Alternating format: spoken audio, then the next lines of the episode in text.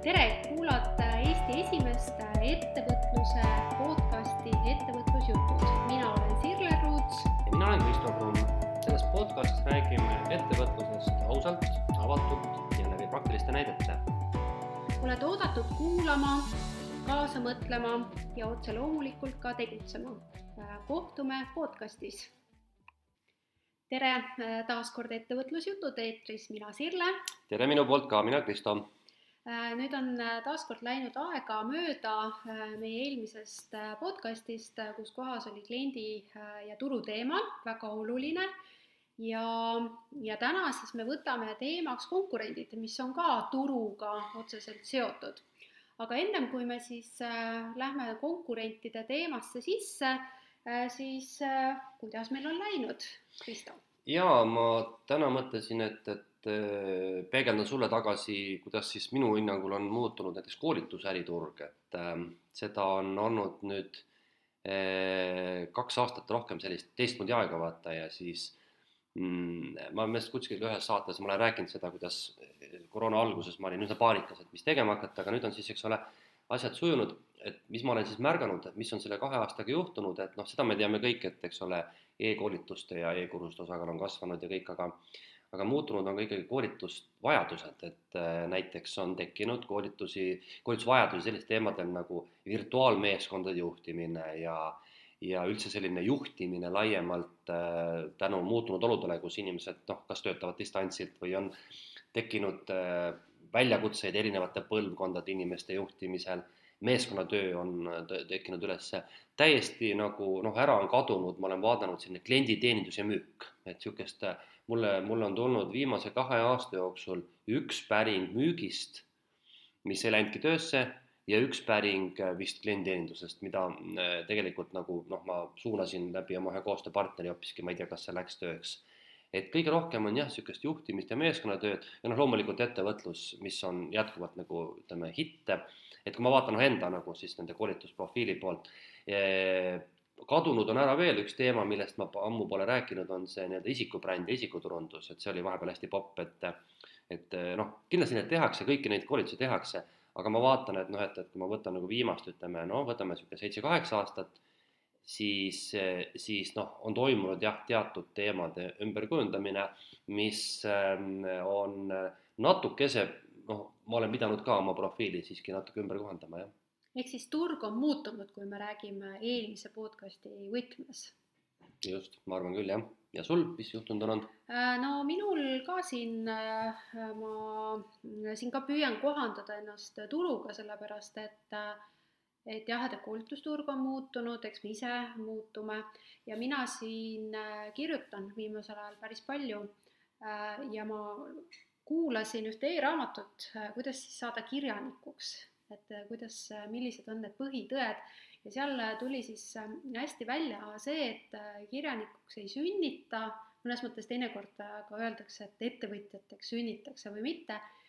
ja põhiline siis õpetus oli see väga järjepidev rutiin, mida sa pead tegema iga päev selleks, et siis ühel hetkel midagi kirjutada. noh, mina olen küll varem ka raamatuid kirjutanud, aga just ma soovin noh, kirjutada teemadel võib-olla, mis, äh, mis on minu jaoks uued äh, ja siis, siis ongi see, et on vaja iga päev teha teatud rutiinseid tegevusi. ja siis ma mõtlesingi, et ma jagan seda ka täna siin, et, et ettevõtluses, kui hakata ettevõtjaks, siis ma vaatan oma koolituse klientide pealt, et sageli just selle rutiini puudumise tõttu ei jõuta oma siis selle ettevõtteni selle kohta on öelnud kunagi tuntud ähm, Eesti sportlane Gerd Kanter, et et mis tema edu üks pant oli, et tal on, kuidas ta sõnastas, et tal on olemas eeldused tuimaks järjepidevaks tööks.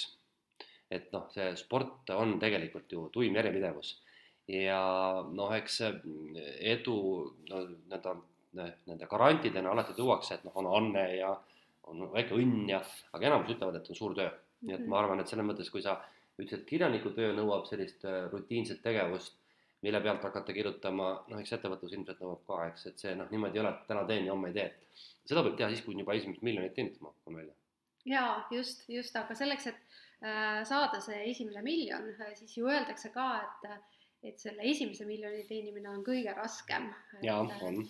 aga ma küsin selle kirjutamise kohta täitsa huvi pärast, et mis sa said midagi huvitavat teada, aga mis sa varem ei teadnud üldse seda? Äh, ma sain teada tegelikult seda, et äh, kõik suured kirjanikud, äh, ma teadsin, et loevad, aga tegelikult on selline nipp, et kui sa tahad mingil teemal kirjutada, siis sa pead iga päev selle kohta lugema. ja, ja mul on üks teema, millest ma tahan sügisel raamatu avaldada, ta on niisugune psühholoogiline pool ettevõtlusest. Ja siis mul on lugemisrutiin tekkinud, et ma valin ainult selles teemas raamatuid ma olen Ameerika digitaalse raamatukogu Scribed lugeja ja ma võtangi selles teemas ja, ja sellega seotud teemades ja ma lihtsalt loen. ja teinekord tekibki, mis on minu jaoks ongi uus olnud, on see, et, et loed ühe raamatu läbi äh, ja siis tekib üks mõte, millest tekib järgmine äh, siis teemaarendus. ehk siis jah, et, et selle oma valdkonnaga või selle teemaga nii põhjalikult kurssi viimine nojah, see on noh, ma, ma ise vaatan, kuulan kõrvalt, et ega ma vist ka väga palju teisiti ei tee. ma nüüd ei ole küll noh, nii usin kirjutanud kui sina, aga lugemise mõttes ma käitun samamoodi, et ma nüüd, ma olen rääkinud, et ma, eks ole, lähen järgmisel nädalal sinna Välisülikooli seda inimbrändi koolitust või loengut tegema, siis ma ka nüüd lugesin siin paari nädalaga läbi kuskil kümmekond raamatut, mis ma internetis sain niimoodi tasuta kätte, pluss mõned artiklid sinna juurde noh, muidugi tegelikult lõpuks oli see, et, et, et see jutt lõpuks noh, oli mm. ütleme, kolmanda-neljanda teosega oli juba kõik sama jutt, lihtsalt võib-olla erineva nurga alt ja, ja võib-olla noh, siis käsitleti näiteks noh, et tal näiteks teadusartikkel käsitleb, et noh, üks käsitleb sportlasi ja teine käsitleb seal mingeid poliitikuid ja nii edasi. aga see põhijutt on sama, aga no, noh, tegelikult see uba, mis mina olen ette vaadanud, et mis, mis sellest lugemist võiks sündida, on see, et sa avastad selle nurga, mida nad teised autorid võib-olla pole veel käsitlenud mm. -hmm. et äkki on midagi sellist, mida sina arvad, et, et sa võiks teisiti rääkida või niimoodi.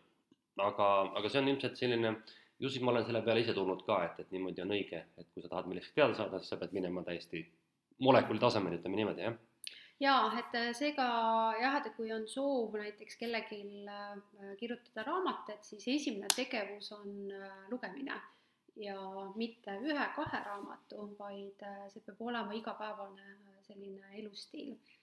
nii, aga lähme siis äh, tänase teema juurde, äh, ehk siis äh, konkurendid ja mõnes mõttes, kui võtta seesama kirjutamisharjutus või lugemisharjutus, siis kui sa hakkad kirjutama raamatut mingil teemal, siis sa viid kurssi, mida on turul pakutud või mida pakutakse. ja, ja tegelikult, kui mõelda igapäevaselt, siis ma arvan, et esimene küsimus ongi, et aga kes siis see konkurent on äh, et kui sult kliendid küsivad näiteks ettevõtluskoolitusel, et, äh, et kuidas sina neile vastad? ma kunagi muuseas tegin, et äh, tahtsin hästi tark olla, siis ma mm, ei julgenud veel enda tarkust välja tulistada, siis ma kasutasin teiste meeste tarkusi, siis ma püüdsin kasutada sellist kuulsat Porteri viie konkurentsijõu mudelit, aga ma kuidagi nägin, et see jookseb enamus nendel koolitatavatel üle pea ja, ja tegelikult isegi kui ei jookse üle pea, siis selle mudeli rakendamine on hästi keerukas ilma tõsise analüüsita. ja mina siis tegin sealt õgvendused, ma olen enamustele teooriatele, mudelitele oma õgvendused muuseas, et nad oleks mulle suupärasemad.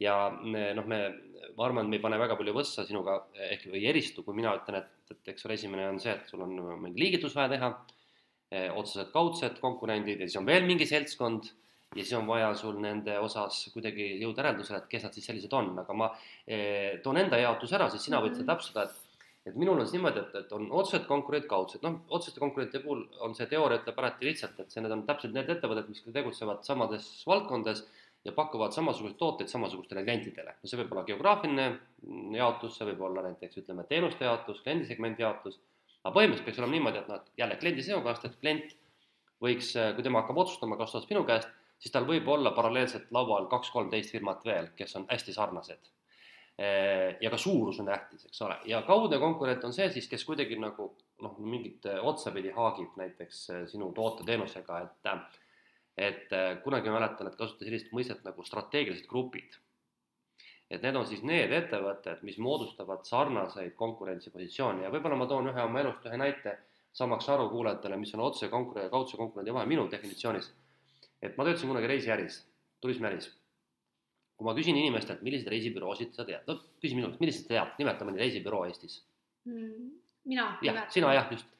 no Novatours, Estravel mm, jah, mis veel no siin on Rist, Ristours, Go Travel, Kaleva Travel, Testuur äh,, Mainor Meelis, äh, mis on Alpi Ekspress, noh, need on tegelikult, ma arvan, Eestis on üle saja muuseas reisibüroo mm. -hmm. siis tavainimese jaoks on nad kõik üks pott. Aga tegelikult nad jagunevad kahte suurde gruppi, kahte strateegilisse gruppi. ühed on reisikorraldajad, teised on reisivahendajad mm. -hmm. ehk siis näiteks mina töötasin Baltic Toursis, meie konkurendid olid Estravel, Ristours Äh, siis äh, see GoTravel, no ja see oli veel mingid tegelased, eks ole mm. -hmm. Need on need, kes ise ühtegi asja ei korralda. Nemad mm -hmm. vahendavad teiste tooteid. ja teise grupi moodustavad reisikorraldajad, no näiteks Testours ja Novatours, need on need tüübid, kes või mina käisin näiteks talvel Kermalaga reisimas, tema on ka reisikorraldaja, eks ole. tema võtab sind, paneb sind bussi või lennukisse, viib kohale, seal on giid, kõik käib nagu niimoodi täiskomplektina. ja vahe on siis selles, et vaata reisivahendaja on reisikorraldaja sõber aga konkurent teisele reisivahendajale, eks ole et noh, et reisivahendajad on ühed konkurendid, reisikorraldajad on teised konkurendid mm. -hmm. nii et ühed on otsesed, teised on kaudsed, kaudsed nad on küll konkurent, sellepärast et kliendil on valik, kas osta see Egiptuse reis nüüd Novatourist või Estravelist, mõlemad seda müüvad, eks ole, et selles mõttes on kliendile nagu pealt tundub, et ta on nagu ükskõik. aga tegelikult ettevõtte seest on nad või äri seest on nad erinevad. ja minul on veel üks kategooria kliente, mille puhul või konkurente, mille puhul ma ütlen, et need on ilmselt kõige tähtsamad, need on asendusteenused.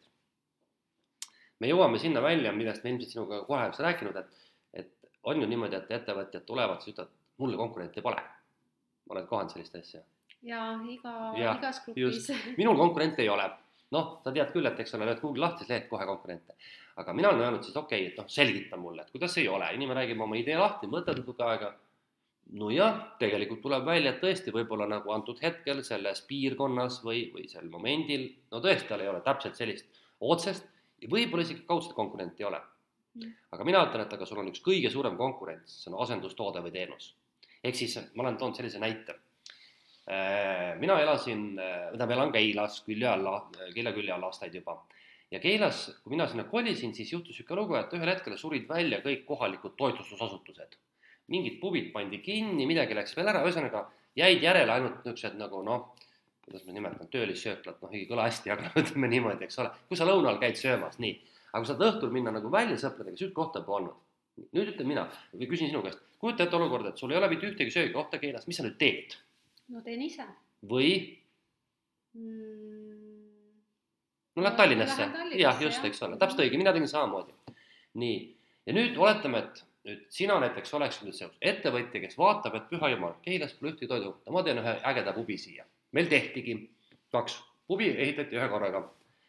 nii, tehti valmis, iseenesest oleme ausad, neil ei ole ju konkurente, eks ole.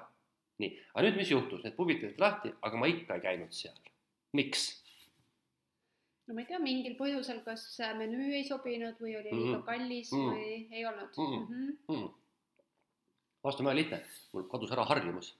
aa ja mm. ei ole, tähendab, harjumust ei ole minna välja sööma, lihtsam on teha kodus süüa. ja nüüd, milles on probleem, probleem on selles, et need uued ettevõtted ei pea mitte hakkama võitlema teiste konkurentidega, vaid peavad võitlema minu mõtteviisiga, nad peavad suutma minu mõtteviisi ümber kujundada, et oleks pointi tulla restorani sööma.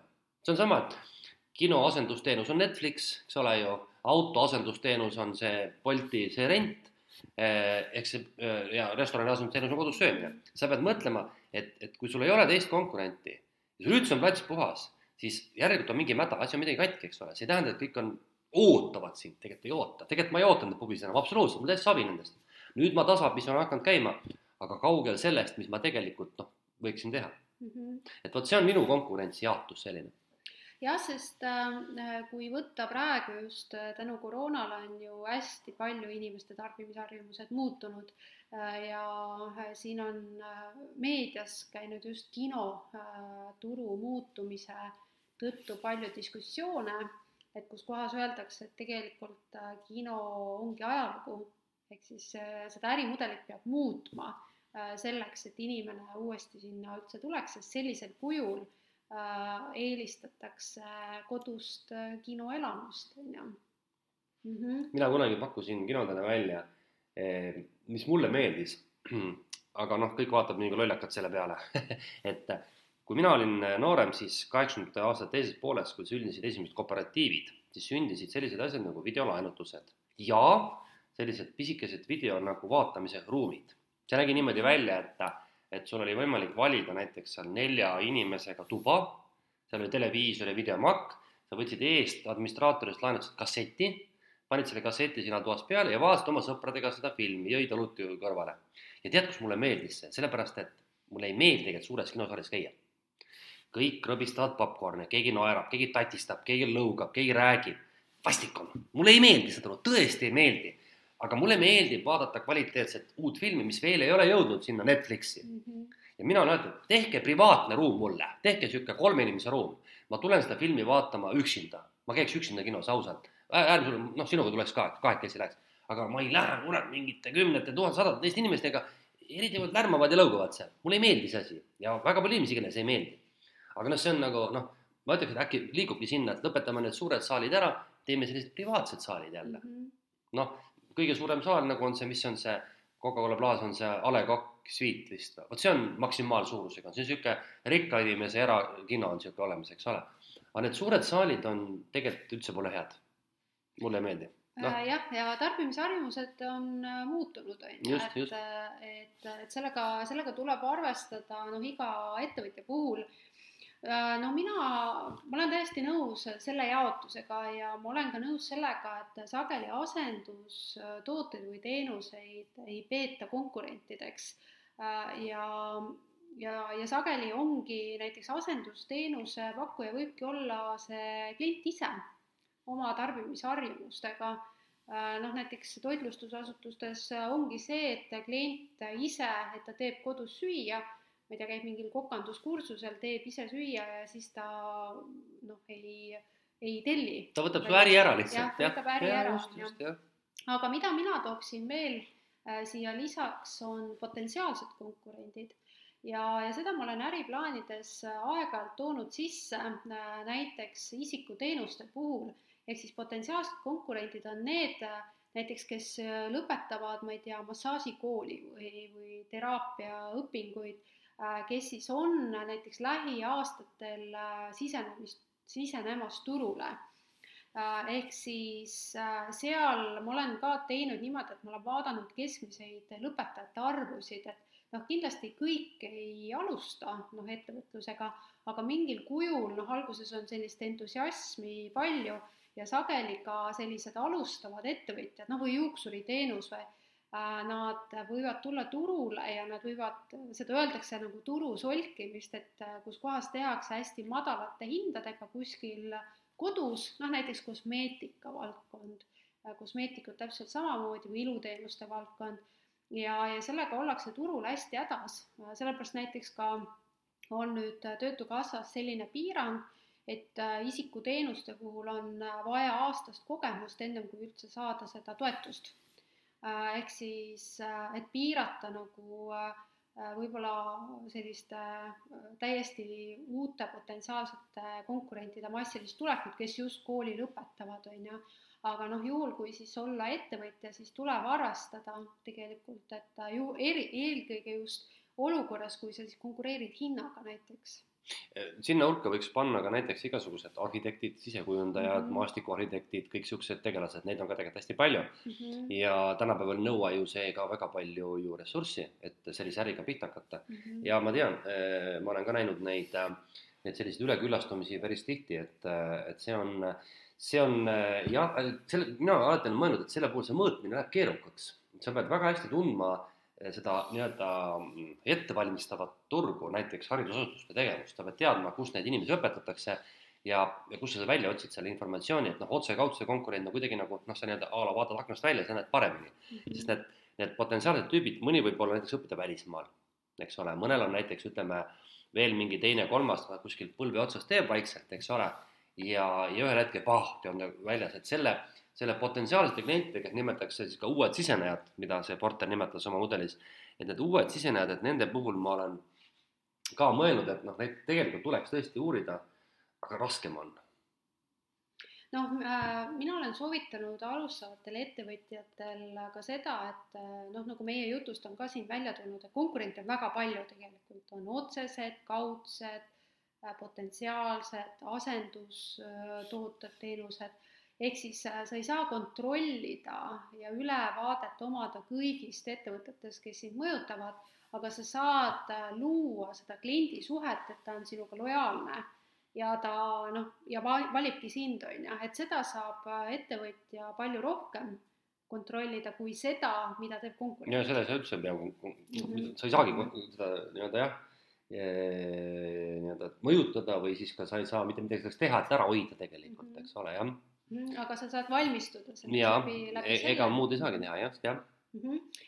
Ähm, aga noh, nüüd, nüüd ongi see, et äh, võib-olla kuulajal tekib küsimus, et, äh, et issand, nii palju konkurente, et ma arvasin, et äh, et tegelikult mul ei olegi ühtegi konkurenti, et kas siis konkurentide olemasolu on halb või hea?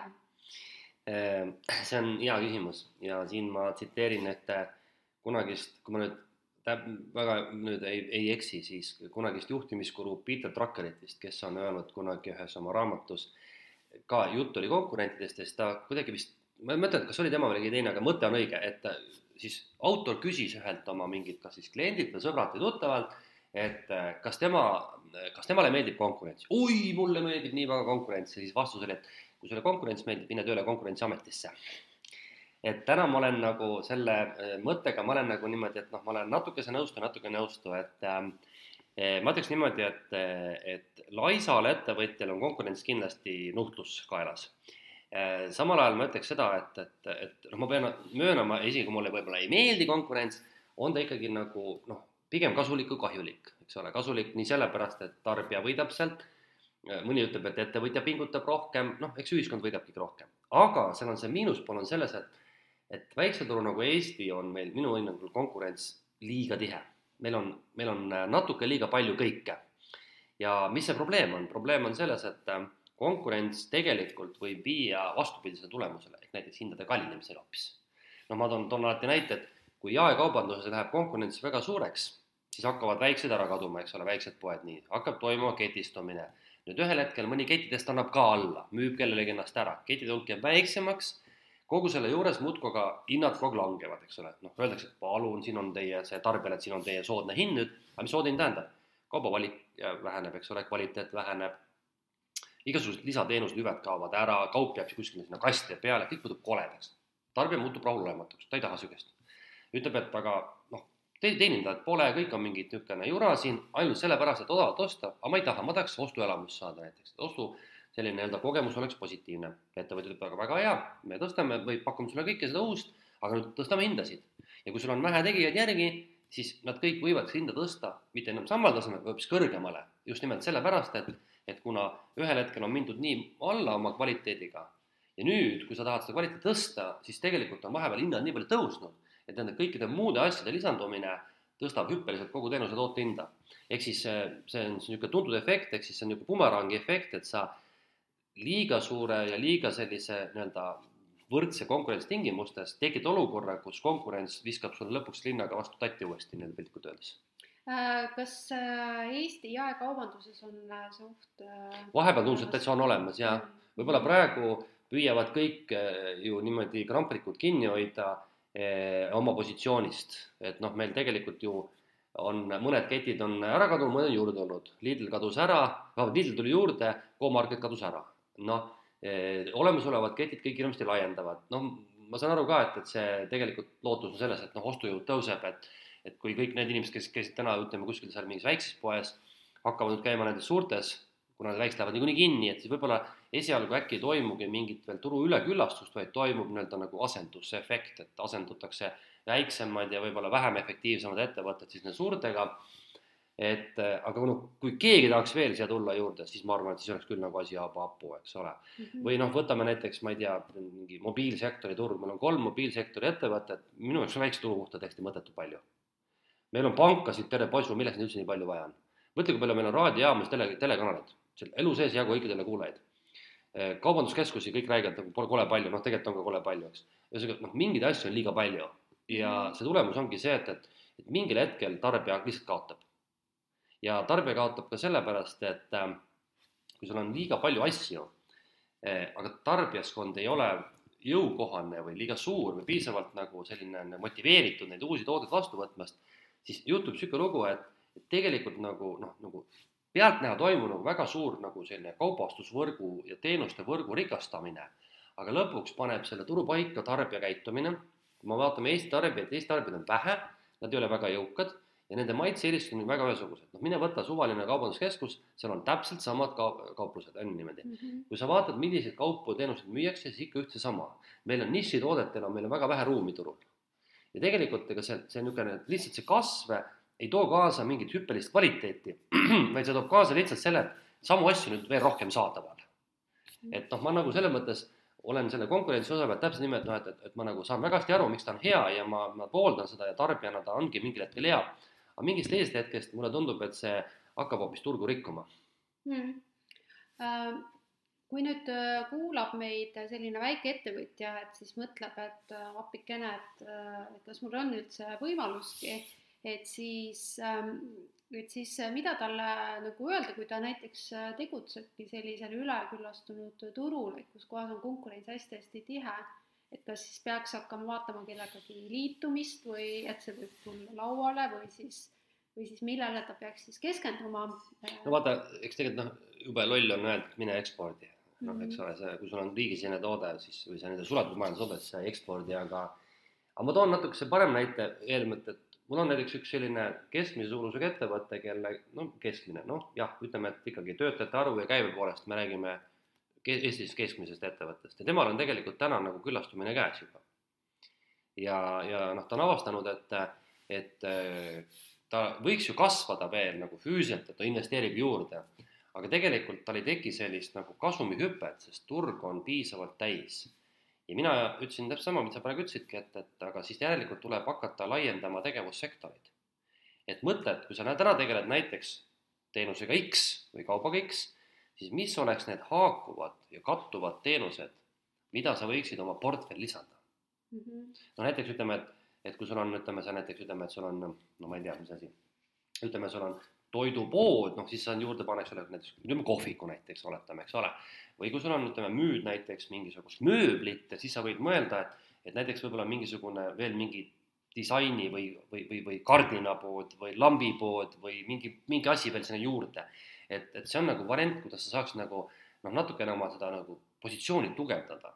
muidu on see, et on nagu palju väikeseid, kes ei suuda üksteist nagu noh, kes ei suuda nagu toime tulla, et, et see, see on nagu see kohandumise pool, aga nüüd, kui me räägime alustavast ettevõtjast, siis seal ei ole küll nagu mingit valikut, kelle sa ikka liitud, sa kaotad ennast, ennast kohe ära, et et seal on ikkagi esmatähtis on see, et sa pead leidma selle oma niši, oma näo, oma selle segmendi, ega sul muud valikut ei ole. et noh, kui turul ei ole just silmaga nähtavat tühja auku, nõudlust, siis, siis, siis noh, tegelikult ongi üliraske alguses siseneda, ongi väga raske, jah mm. -hmm. sest äh, kas või meil äh, noh, ettevõtluskoolituse turg on äh, koolitajatest ikkagi väga-väga täis. sama lugu, jah, ta ongi üleküllastunud kohati. üleküllastunud ja, ja kohati noh, tehakse ikkagi selliste hindadega, mis on all, alla igasuguse arvestuse, noh ülikoolis õppides sa, õpetades saab kõrgemat tasu kui mm -hmm. kohati eraturul koolitades aga siis äh, mul just tuli seos, et äh, mina just olengi toonud just ettevõtlusraamatud äh, sinna juurde, ma kogu aeg otsin seda oma nišši, et kuidas siis eristuda. aga mida ma klientidele soovitan, et kas konkurents on hea või halb, et mina ikkagi üldiselt noh, võib-olla ma ei vaata nagu nii sügavuti, et ma pigem vaatan niimoodi, et, et noh, on hea, kui on konkurendid olemas, see näitab seda, et on nõudlus olemas sest konkurent ju peegeldab seda, et äh, tarbija ostab. et, äh, et juhul, kui ju tarbijat ei ostaks, siis seda konkurenti ei oleks. et see tähendab seda, et, äh, et kui konkurent on olemas, et siis on pigem see hea siis muidugi teine samm on see, et tuleb aru saada, et mida see konkurent teeb.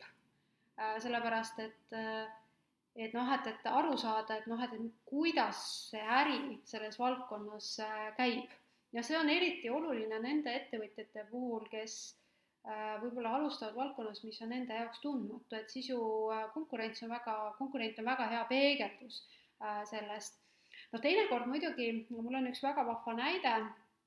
Ühest kliendist, kes tuli ettevõtluskoolitusele ja, ja tema siis alguses ütles mulle esimesel päeval, et äh, jess, et mul on selline äriidee, mul ei ole mitte ühtegi konkurenti. ja nagu sa alguses ju ütlesid ka, et äh, meie koolitajatena siis guugeldame ja saame kohe aru, et tegelikkuses on konkurendid olemas, kuna me vaatame alati ka läbi asendustoodete, teenuste ja potentsiaalsete kaudsete konkurentide äh, ja ja siis läksid mõned need moodulid edasi, et kus kohas me jõudsime siis konkurentideni ja see siis see klient hakkas mul guugeldama. ja siis ta oli, kuna ta oli nii armunud oma sellesse äriideesse, siis see oli nagu Ameerika mäed, sellepärast et läks õhtul koolitusel koju, oli, oli selline, et oh jess, teeme ära selle äriidee hommikul äh, tuleb koolita, koolitusele, silmad enam-vähem punased magamatusest, ütles, et ma kell neli hommikul guugeldasin ja leidsin, mul on jälle üks konkurent. ehk siis, äh, ja siis me jälle püüdsime nagu selle koolituse käigus saada selle motivatsiooni tagasi ja järgmisel päeval tuli tagasi, et ta leidis jälle ühe konkurendi. Äh, ja, ja see pani väga tõsiselt just noh, kaaluma seda, et kas ta üldse alustab või mitte äh, selles, selles äris. alustasid või? Äh, minu teada ta ei alustanud. sellepärast just, jah? Äh, noh, see turg ka muutus, et tegu okay. oli sellise toitlustuse valdkonna äriideega, et tuli koroona, tuli peale, aga ma nägin teda ühes poes tööl, et seega siis tõenäoliselt ta ei ole selle, selle äriideega alustanud, mis on muidugi kahju Äh, ja, ja eks äh, see noh, kui, mida siis teha niisuguses olukorras, kus kohas sa näed, et konkurente on, on ju, äh, mina alati ikkagi soovitan seda, et tuleb, tuleb hakata keskenduma sellele, kuidas mina erinen, mis on see minu nišš, kuidas, kuidas mina siis, millist väärtust ma sellele kliendile toon, on ju, või loon, et, et ta noh, tarbijad on alati rahulolematud, me ju iseennast ka teame, et me alati tahame mingeid uusi lahendusi. Et noh, mõnes mõttes väga hea näide on telefon või arvuti, paar aastat on olnud, on ju, siis vaatad, et oh pagan, et võiks midagi uut.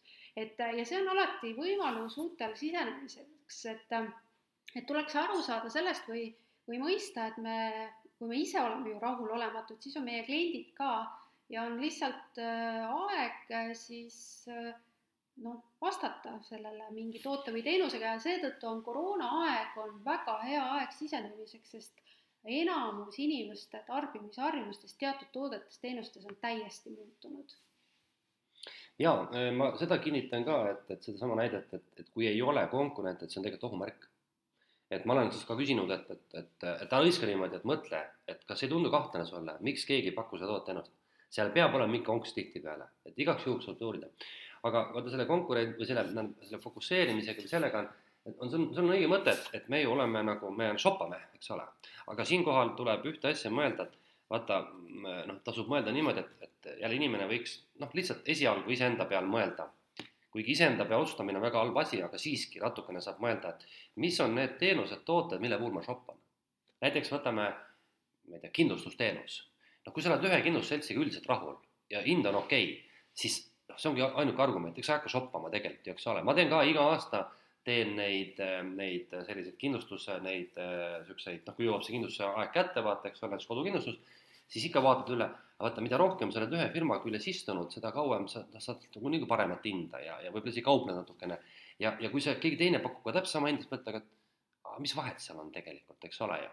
et sa ei hakka nagu seal, sa ei, võib-olla ei shoppa nii palju kui näiteks ütleme, shopad sa restoranide osas või, või, või, või kingade osas või meelelahutuse osas, kus sa tegelikult tahadki iga kord erinevat saada. ja, ja see on tõesti, see on, see on nagu võimalus nendele ettevõtjatele, et sa mõtledki, et ongi koht, kus inimene võib iga päev teha eriotsuse, mis on muidugi kahju, et noh, ühelt poolt, et ta jääb võib-olla sulle püsivaks, aga tuleb järgmine peale jälle. aga kui sa lähed sellisesse valdkonda, kus inimesed üldse ei liigu, kuigi see on hästi individuaalne, ma tean, et ma mäletan, et ma vaidlesin ühe ühe oma kunagi ühe kolleegiga selle üle, et kas ettevõtjad ja inimesed shoppavad hirmsasti shoppa ja, ja ongi erinevalt muuseas, et et näiteks osa inimesi avastasid või no mina avastasin niimoodi, et, et kui ikkagi näiteks ütleme noh, on viis eurot võimalik alla saada, siis ilma igasuguse häbenemata minnakse teise firma juurde üle, mina ütlesin, et ei, et mul on kuidagi nagu, esiteks on nagu harjunud selle firmaga, isegi kui ma sellega väga kokku ei puutu ja ja ma ausalt tunnistan, et kuidagi imelik on ka nagu niimoodi, noh, kerge häbi on niimoodi, et noh, et oledki niisugune nõme mingi šoppajapäev, kahe euro pärast lähed teise kohta. Et vahel on tõesti selline olukord, kus ütleme, et noh, see hinnavahe on väga-väga suur või kvaliteet on väga-väga teistmoodi. mina näiteks vahetasin sel aastal oma kodus internetipakkuja hoopis kallima vastu, sellepärast et vana lihtsalt ei töötanud ja, ja selle asemel, et hinda alla kaubelda, mul oli argument, et internet oleks, et noh, kodus saad Zoomis istuda, eks ole. täna maksan ikkagi noh, mitte poole võrra rohkem, aga mingid protsendid, kümnendid rohkem selle teenuse eest. et aga kui see asi töötaks, siis paari euro pärast ma küll ei hakka liikuma. See ja. ei ole shoppamise teenus minu jaoks, aga mõne inimese jaoks vastupidi veel on, vaata jälle. ja mul on, mul on sama kogemus äh, televisiooni äh,, noh, ongi koduse interneti ja televisiooni pakkumistes on see, et äh, noh, ma ei hakka nimetama siin, et ma olin ühe, aastaid ühe teenusepakkuja ja siis, ähm, ja siis ma mõtlesin, et shoppan, et äh, ja oli natuke hinnavahe ka ja hea pakkumine äh, ja võtsin selle teise pakkumise aastaks. Ja nüüd ma kolin tagasi, sellepärast et see kasutaja mugavus on lihtsalt niivõrd kohutav sellel, sellel teisel pakkujal.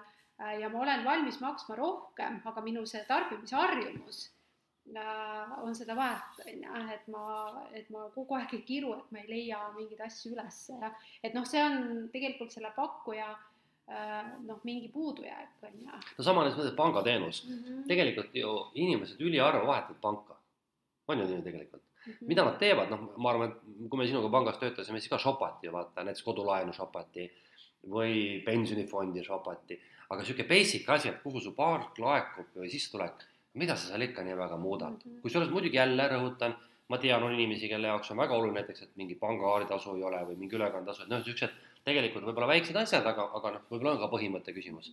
et me ei saa üldistada, aga üldiselt on pangateenus midagi sellist, mida me nimetame commodity teenuseks, mille puhul bränd ei määra eriti palju mitte midagi. ja sa tegelikult, commodity teenuse mõte ongi see, et toote enda sisu on täpselt sama ma olen alati toonud sellise näite, et, et pangal on teise pangaga kohutavalt raske konkureerida, sest raha, mida nad välja annavad, on täpselt samasugune. saja eurone on Swedbankis samasugune kui SEB-s ehk toode ei erine, on ju, aga kui sa lähed näiteks ütleme ühte kohta pirukat sööma ja teise kohta pirukat sööma, siis see võib olla silmaga nähtav erinevus, eks ole, sa saad teha lihtsalt vahet. et see on, ma ütleks niimoodi sealt niisugune filosoofiline jutt jälle tagasi maisesse, et minu mõte on see, et jah, et, et konkurentsi analüüsi puhul, et, et natuke vaata ise ka ringi, eks ole, et mismoodi sa ise käitud ja sealt saad juba mõelda, et milline võiks olla sinu tulevane konkurentsipositsioon, et kui palju sa peaks selle vaeva nägema. aga nüüd täitsa hea küsimus sulle, et eh, kuidas sina, eh, mõtle korraks ennast nüüd nagu et, eh, koolitajana, et me ei räägiks nagu teiste juttu, räägime enda juttu ka, et noh, sina ja me mõlemad oleme mingi aja nüüd siis olnud, eks ole, koolitajad, me ju tegelikult oleme üksteisele ka konkurendid, me oleme päris otsesed konkurendid tegelikult, eks ole ju. Et kuidas sinu nagu konkurentsi nagu olukord on möödunud, oled sa tundnud konkurentsi, oled sa pidanud selle pärast kuidagi pettuma või kirjelda enda niisugust nüüd siis elu selle kõrval? Äh, jaa, äh, konkurents on äh, ettevõtluskooli, ettevõtluskoolituste turg on selles mõttes hästi karm turg. sellepärast, et seepärast, et meil on koostööpartnerid, on ka konkurendid, kes siis tegelikult pakuvad tasuta, sisuliselt tasuta teenust, on ju. ja, ja seetõttu selleks, et konkureerida tasuta teenusega, on vaja hästi leida eristumise kohti. ja, ja minul näiteks äh, noh, tänu sellele, et kuidas siis eristuda, siis ma olengi püüdnud noh, kas näiteks ettevõtluskoolitustele tuua rohkem mentorlust sisse mida siis ei paku näiteks need äh, noh, teised niisugused suured koolitused. või siis äh, näiteks, et äh, raamatud e, e-raamatud saab siis see klient juurde või siis eluaegne ligipääs, ehk siis et selleks, et konkureerida tasuta teenusega, kui ma räägin nagu sellest poolest konkurentsist, siis, siis sa pead hästi keskenduma sellele väärtuspakkumisele ja see läheb otsapidi sellesse valdkonda, et sa pead tundma, kes su klient on, et mis on tema sellised valukohad, äh, mis siis, mida see noh, koolitus nagu äh, ei täida, on ju. No teisalt, äh, teisalt on ka ju sellised noh, eraettevõtted, kes siis pakuvad erinevaid niisuguseid lühikesi või pikemaid koolitusi, sest ettevõtluskoolitus võib olla ükskõik mis turunduskoolitus, finantskoolitus ja seal on noh, valdkond hästi-hästi kirju ja, ja seal tegelikult äh, toetub see väga palju persooni brändile, millest järgmine kord äh, ma juba väga-väga ootan, äh, sa räägid pikemalt äh,. Ehk siis äh, ja seetõttu ma ei ole nagu suutnud niivõrd hästi nagu seda kanda seal kinnitada, sellepärast ma ei ole tegelenud oma koolitaja kui persooni brändiga. jah, mina öö, olen seda konkurentsi näinud niimoodi, et ma ei ole nagu, ma mõtlen, et et, et ma, noh, ma olen kaotanud äh, kindlasti mingisuguseid hinnavõistlusi, noh, täitsa selgelt. mõnda mulle antakse teada näiteks, et kui mingi riigihange ja tihtipeale need kaotused väga napid olnud muuseas, see on ikka nagu väga napp, et see on mingi null koma punktidega tihtipeale olnud või, või rahasummas mingite sentidega, et ettevõtluskoolituse puhul ma toon näite, et me kaotasime neljakümne sendiga näiteks ühe suure riigihanke. et ütleme, ütleme noh, toome näite, et ühel oli hind kümme, meil oli üheksa või meil oli kümme, temal oli üheksa kuuskümmend, noh, saad aru, noh, see vahe tegelikult nii väikene. Äh, aga väga palju ma olen näinud sellist konkurentsi momenti, et, et ma ei pääse üldse turule sisse. ehk siis äh, kui ma mäletan, kui ma noh, ma olen vist rääkinud seda, kui ma kunagi alustasin, siis ma ju mõtlesin, et hoopis teistsuguseid koolitusi teha, et see oli juhtimine, meeskonnad, just klienditeenindus, müük, eks ole. ja, ja seal ma avastasin küll, et noh, et üldse ei pääse nagu jalaga ukse vahele üldse, ehk siis näiteks vaata noh, kui sa võtad, eks ole, üks on see avaliku nii-öelda see avatud koolitusturg, teine on niisugune firmaturg, siis sinna firmaturule on nagu päris raske kohati jalga ukse vahele saada.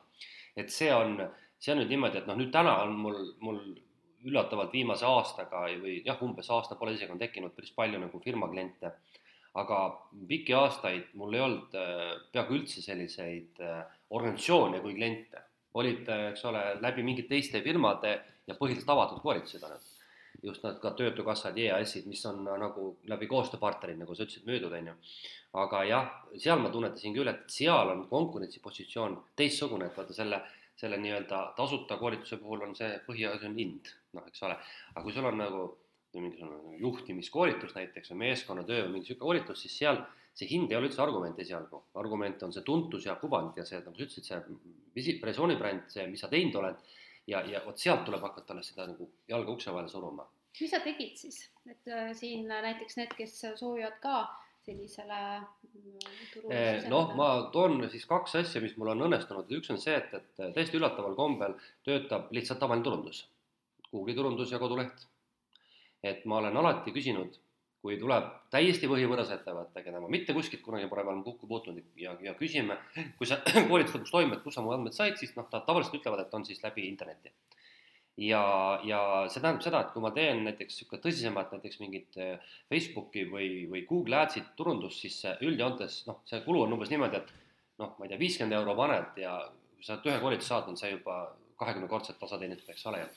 et see on üks asi, mis on tõesti töötanud, et sa pead olema kogu aeg nagu pildil õigete märksõnadega, õige, just täpselt õige märksõna pool ja, ja, ja kui keegi guugeldab, ta leiaks selle samasuguse märksõna, noh, ettevõtluskoolitus, juhtimiskoolitus, meeskonnatöö, vot niisugused asjad.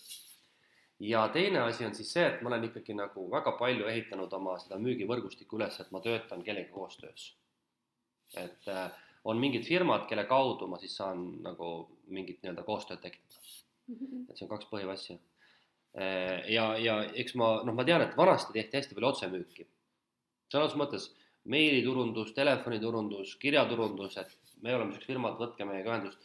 mindi täitsa, noh, ma ju mäletan, kuidas me Peep Painu ajal tegime. võeti lihtsalt firmad ette, helistati ja hakati niimoodi pommitama. noh, eeldusel, et nemad võiks tahta seda koolitust. noh, minul ei oleks selleks elus ressurssi. ma kunagi mõtlesin lausa, et ma palkan inimese, kes hakkabki niimoodi müüma ette. aga ma täna kahtlustan, et see ei tööta enam niimoodi.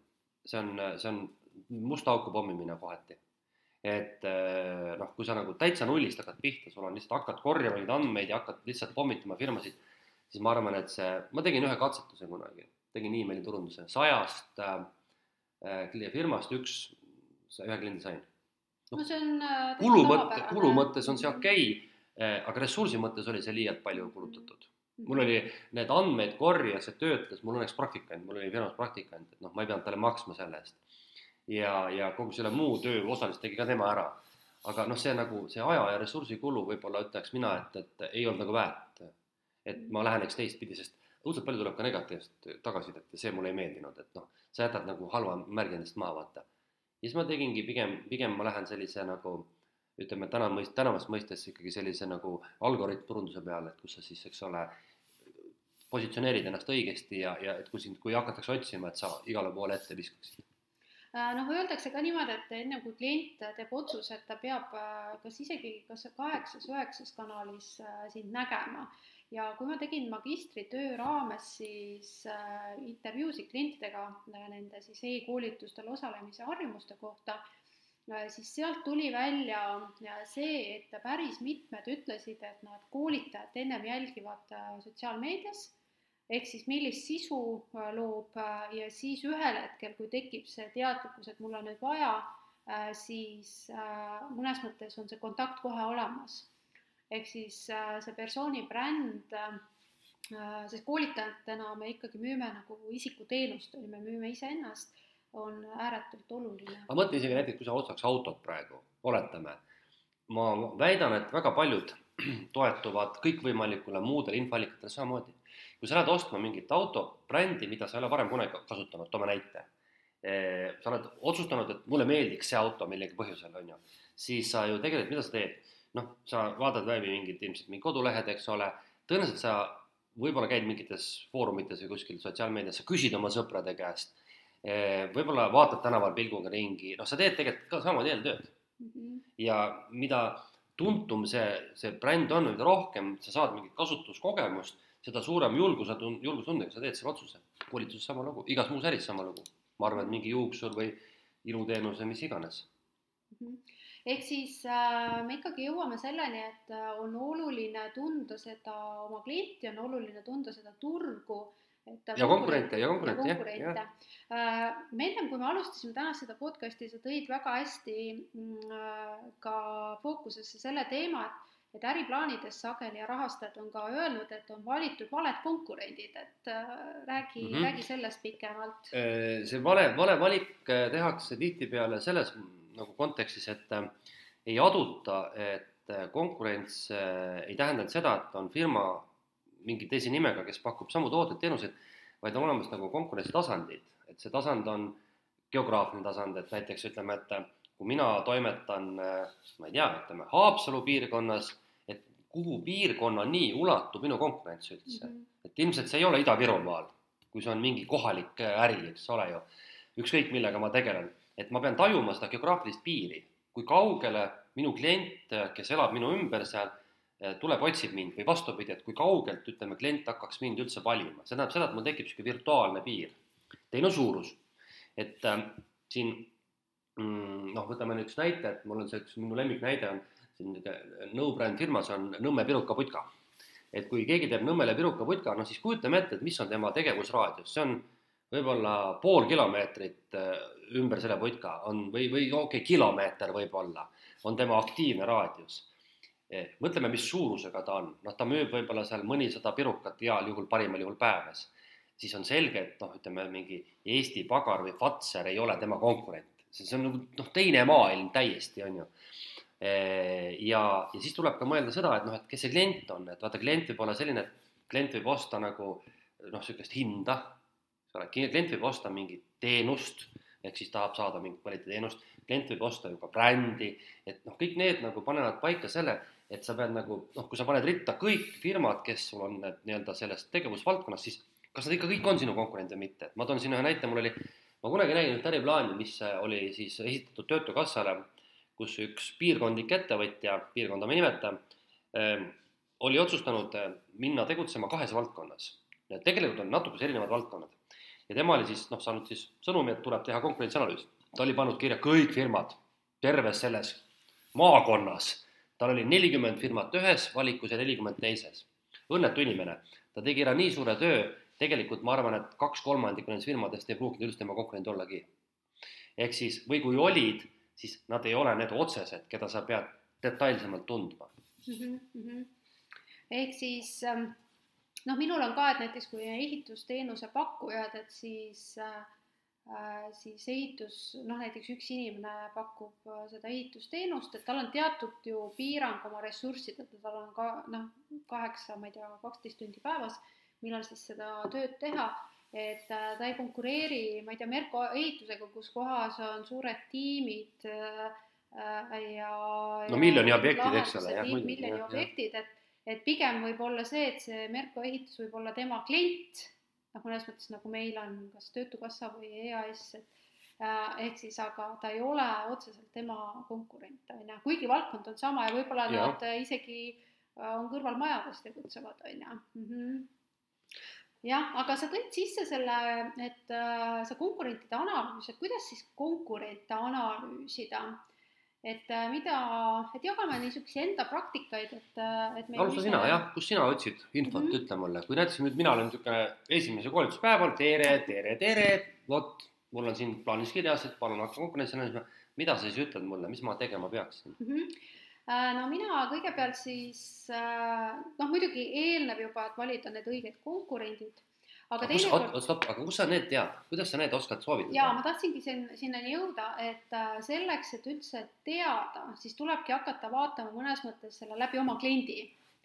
ehk siis kuskohast klient nagu infot otsib Äh, ja, ja näiteks kui on sotsiaalmeedia, et siis tuleks vaadata läbi, et millised ettevõtted sealt tulevad siis äh, esile, siis äh, sageli ikkagi, kui ma vaatan nii turuanalüüse, mida kliendid teevad, kui ka enda käitumisharjumusi, siis probleem, noh, kui ma otsin mingit teenust või toodet, siis ma otsin ju oma probleemile lahendust.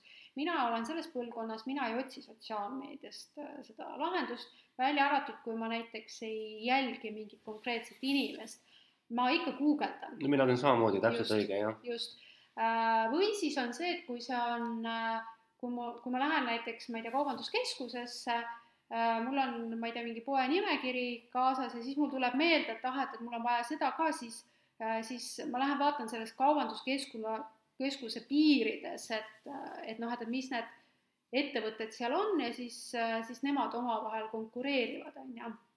ehk siis äh, äh, kõigepealt siis äh, tuleks teha need tegevused läbi, läbi kliendi turundustegevuste.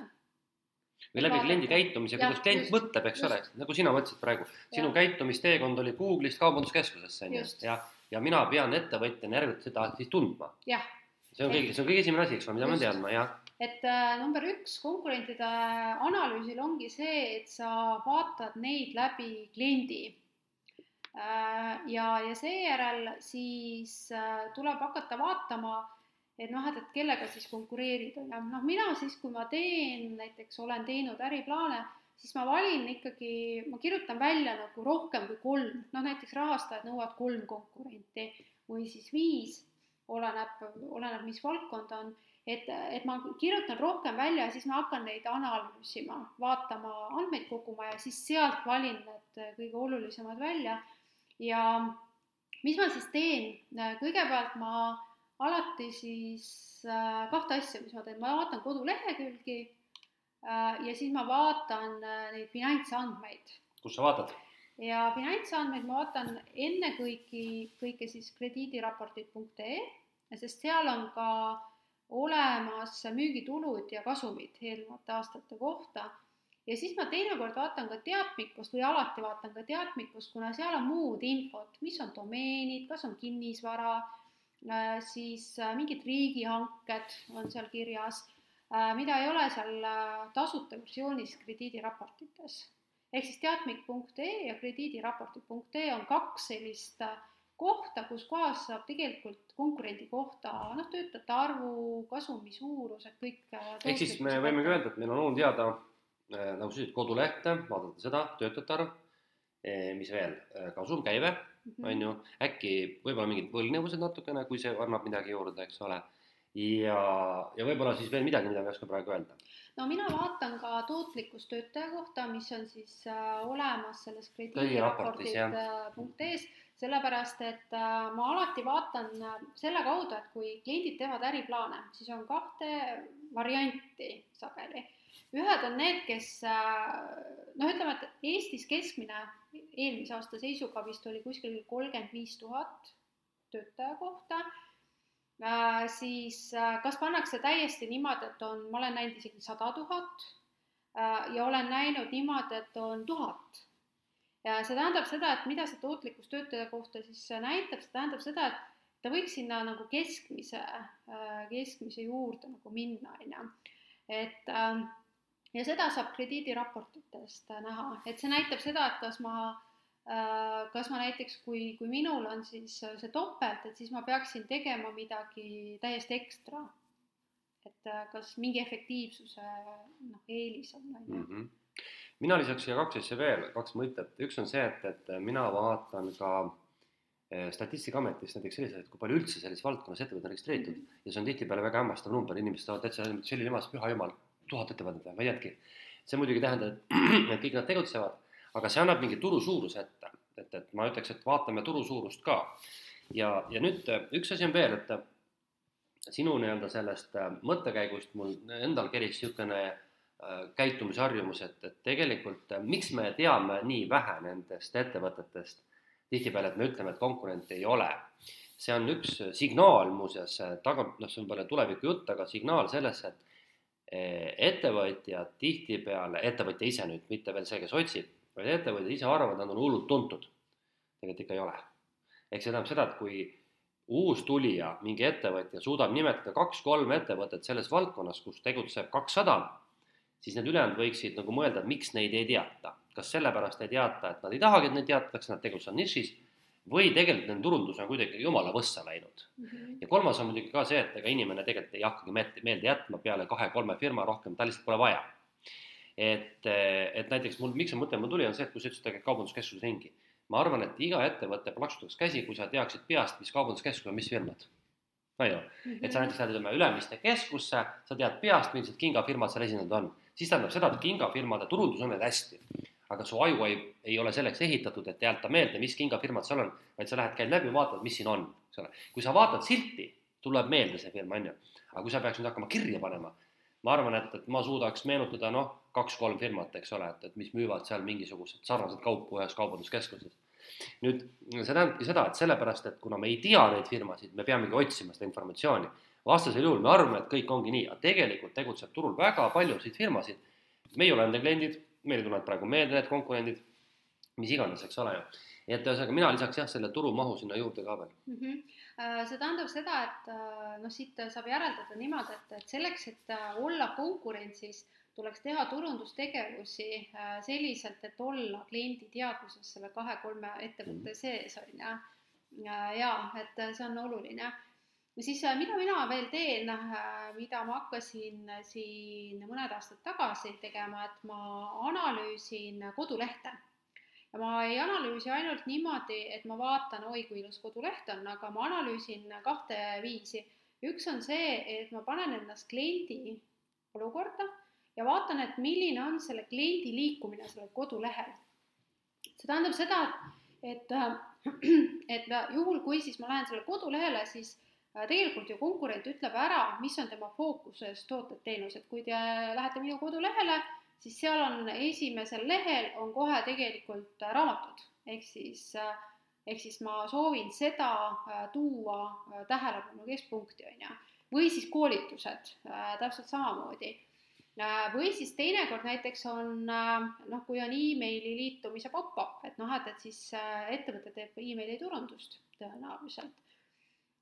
Siis teiseks noh, ma vaatan ka hinnakirja, kuigi väga sageli ei ole neid hinnakirju olemas, siis mina kasutan sellist kodulehe analüüsi platvormi nagu seranking.com Äh, ja seal on, kui natuke seal kodulehelt otsida, siis äh, saab sellise tasuta versiooni äh, siis noh, nagu või tasuta versiooniga seal analüüsida konkurendi lehte, et paned sinna kodulehe ana-, kodulehe aadressi ja ta näitab tegelikult ära, kui palju orgaaniliselt sinna kodulehele külastajaid tuleb, mis on populaarsed lehed, siis äh, Äh, milliste lehtedega sisu mõttes ta konkureerib.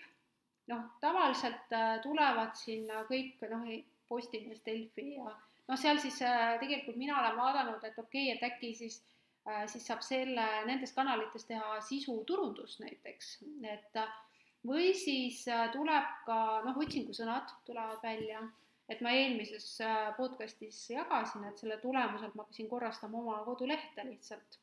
ma ka muuseas Ah. ma tegin sama kustutasin ära kahe tuhande neljateistkümnenda aasta postitusi näiteks, vaatasin, püha jumal, siin mingid koolitused olid, ma pannud ülesse, mida ammu polegi enam olemas. jah, Mhm. ma tegin sama asja, ja et äh, seega meie podcastist on äh, ennekõike meile endale see on olnud väga tubli, väga hästi on teha. ja äh, siis üks asi, mida ka tasub kindlasti vaadata, on näiteks koostööprojektid või siis tõesti persooni bränding või üldse bränding, et ja koostööprojektid on hästi, hästi olulised, sellepärast et äh, see on ju tegelikult käepikendus, noh näiteks sinule, et ma ei tea, kas sul kodulehel on, et sa teed koostööd Äripäevaga ja EAS-iga, kas need on kohe esilehel?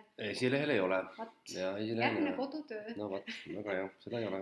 sest kui vaadata Ameerika näiteks koolitajate, coach'ide lehti, siis on kohe esilehel toodud, et okei koostööpartnerid okay., hea mõte. Mhm. mul on se- selle kastikese saab juurde ehitada ja väga hea, lisab usaldusväärsust. just, just, et äh, ja sest, sest tegelikult äh, see mõte on see, et see on ju noh, tur-, turundus, turunduses nagu selline nipp, et et kui inimene tuleb kodulehele, siis tal peab tekkima usaldus ja huvi mingi kahe-kolme sekundiga ja sellepärast pannaksegi neid kohe kodulehele, esilehele ja klientide tagasiside. või pannakse näiteks, et kõik need äh, mingid diplomid, tunnistused, need, kuidas on see krediidiraporti tulemused, et usaldusväärne ja, ja, ja sihuke tore ettevõte jah. muuseas, mida mina veel teen, see on hea trikk, see mulle meeldib neid asju teha, ma teen proovi ja testoste.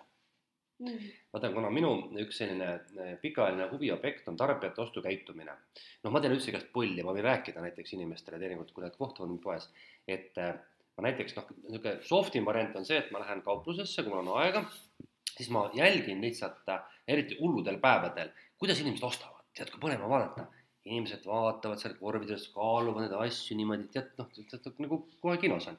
siis vahel ma lihtsalt lähen sinna, tead nagu Mr Bean kunagi tegi, lähen sinna kassas või seal, kus need letid on, kus riiulid on, mingeid asju, siis vaatan kõrvalt niimoodi, seisan ja vaatan mingeid asju, tegelikult vaatan, kuidas inimene vaatab seda seal, mida ta seal vaatab.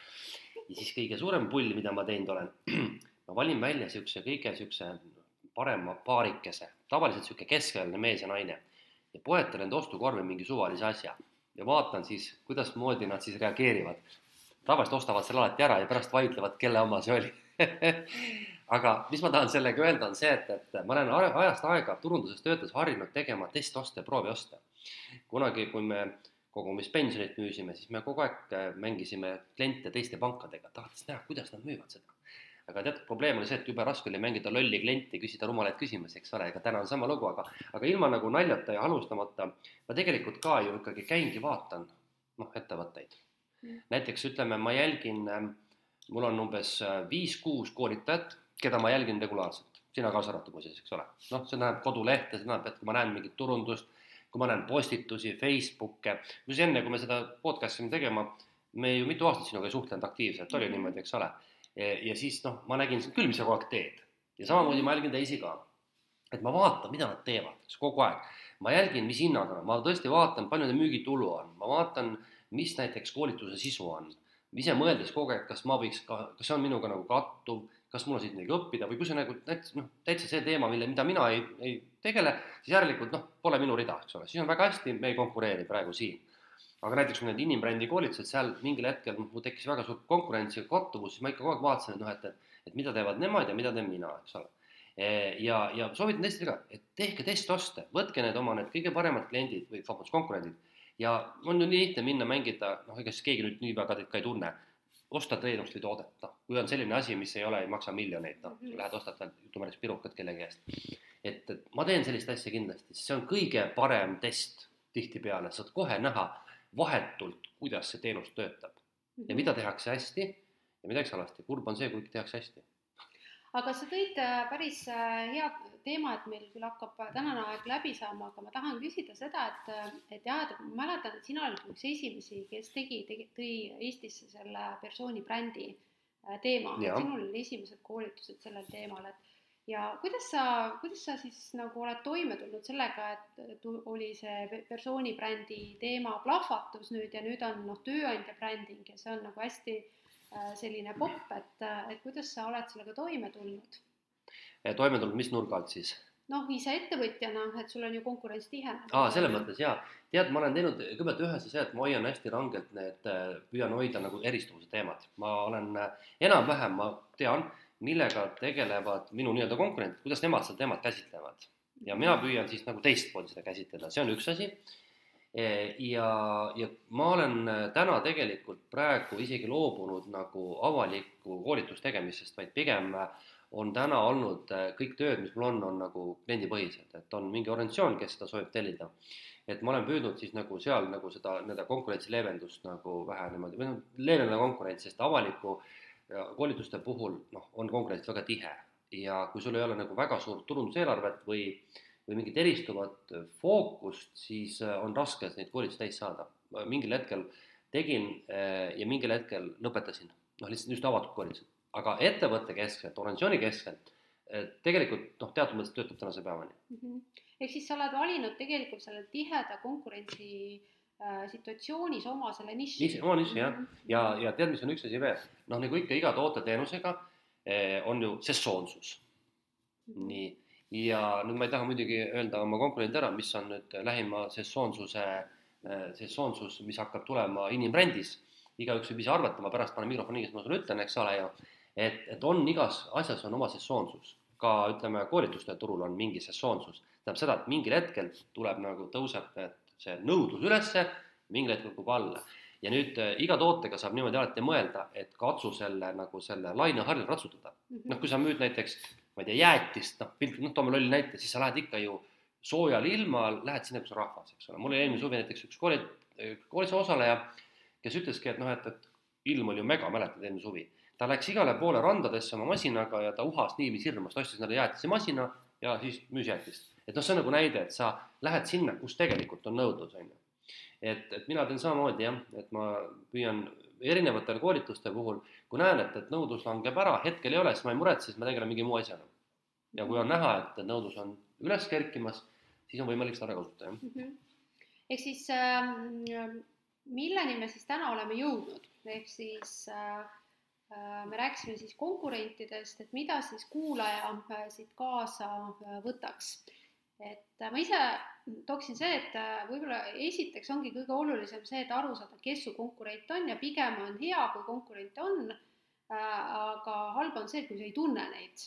jah, just mm -hmm.. ehk siis, et kes on su konkurendid ja kuidas neid tundma õppida mm. -hmm. et viise on palju, on ju, internet, füüsiline elu, vaatad aknast välja sukeldub nende tegevustesse, et pigem mina ütleks niimoodi, et, et, et see nagu, kes on konkurendid mm, või ütleme, et ütleme niimoodi, et saadakse aru, et on konkurendid, aga ei osata neid täpselt analüüsida ja ei teata ka, mida analüüsida, võib-olla niimoodi mm. -hmm sest tänapäeval on noh, info on niivõrd hästi kättesaadav, et noh, meie sinuga mäletame veel neid aegu, kus Äh, ju internetis äh, mitte midagi ei olnud, et kus kohas telefonikataloog oli. telefonikataloog ja. oli jah, ja, ja ainuke asi, kus kohas sa nägid, äh, et konkurent midagi teeb, oli ajalehes oli surmakuulutuste kõrval oli äri, ärikuulutused, on ju.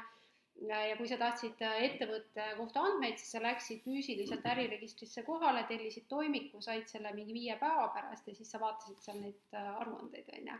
et, et seega tänapäeval on tegelikult äh, noh, niivõrd äh, lihtne saada absoluutselt kõigest ülevaade, et aga, oskus peab olema lihtsalt seal jah, aga ma arvan, et see on ka nagu õpitav ja ja, ja noh, pigem võib-olla siis nagu natukese mm, paneks südamele ettevõtjatele, et et vahel võiks neid konkurente rohkem analüüsida. Ja noh, tipp, et ütleme tipptasemel, mina ütleme juhina olen kunagi analüüsinud ka ikkagi lausa erinevate finantsanalüüside puhul, noh, see, mis me sinuga enne saadet rääkisime, et et noh, siis on juba rahaliselt tellid, eks ole, niisugused põhjalikumad aruanded ja siis sa pead oskama ka neid analüüsida läbi erinevate finantsarvude, aga ma olen ka sellist asja teinud. aga see on juba siis, ütleme, kui sa noh, on suurem ettevõte, kus sul võib-olla lihtsalt peale vaadates sellest kasumist ja käibest esialgu ei piisa mm. -hmm. ehk siis äh, näiteks, et äh, noh, finantsaruannete puhul ongi äh, noh, see soovitus, et teinekord ma vaatan, et alustavad ettevõtjad tellivad finantsaruandeid, et juhul, kui on mikroettevõtja, siis finantsaruande on niivõrd väikeseks tehtud, et seal on ainult sisuliselt, mis on käibevara mis on põhivara ja põhivara ja, ja, ja, ja ongi kõik, on ju. et või mis on passiva ja aktiva kokku. Äh, sest väikesed mikroettevõtted ei pea väga detailseid majandusaasta aruandeid tegema, et juhul, kui siis ettevõtja teab, et konkurentideks on mikroettevõtted, siis ei ole mõtet tegelikult neid aruandeid tellida, sellesama info saab kätte sealt krediidiraportid.ee-st, aga juhul, kui siis konkureerida näiteks äh, suuremate ettevõtetega, et ongi kas keskmised või suurettevõtted, äh, või börsiettevõtted, et siis seal on tegelikult need aruanded hästi detailsed ja seal on ka suhtarvud toodud ja ja, ja kulu, kulude selgitused, et siis äh, tõesti on võimalik sealt rohkem infot saada. aga siis peab olema ka põhjus, et sul on vaja nii palju saada, et noh, tavaliselt ja. Äh, siis on juba see, et sul on nagu suurem täpsem fookus, aga esialgu ma arvan, piisab ka tõesti nendest tasuta platvormidest mm. -hmm aga siis oleme tänase teema saanud äh, kokku võetud, võetud, et äh, et seega õppige konkurentide käest ja, ja tegelikult meie Kristoga oleme head näited, et konkurentidega on võimalik ka koostööd teha. Äh, ja ma olen selle peale mõelnud, et noh, et kuidas me selleni jõudsime, ma arvan, et just, et äh, mida, mida rohkem sa ise ettevõtjana nagu kasvad ja, ja tekib nagu see oma nišš ja mina küll siis, kui me alustasime selle projektiga, ma nägin, et meie kliendid mõlemad võidavad nagu tegelikult rohkem ja meie ise ka, tegelikult mina olen väga palju õppinud mm -hmm, nagu sinult läbi selle jagamise ja et, et see ja me ka... tegelikult ju ei konkureerigi nii, nii otseselt mm -hmm. just tegelikult, eks ole, nii et see ja. ei ole üldse nii hirmus. Jaa, et ei ole üldse hirmus konkurendiga teha ka koostööd, et võib täitsa lõbus äh, olla äh, sest on soovitatud näiteks loomeettevõtjatel, et ühiselt minna eksportima mm. -hmm. et, äh, et seega teinekord tasub vaadata, võib-olla saada koostööd teha. aga siis järgmise korrani, et äh, ole siis ettevõtlik ja, ja muidugi äh, vali enda konkurendid välja ja, ja siis analüüsi neid äh, näiteks iga kvartal mm. -hmm. et miks ka mitte. just, aga kõik edu minu poolt ka. ja, head aega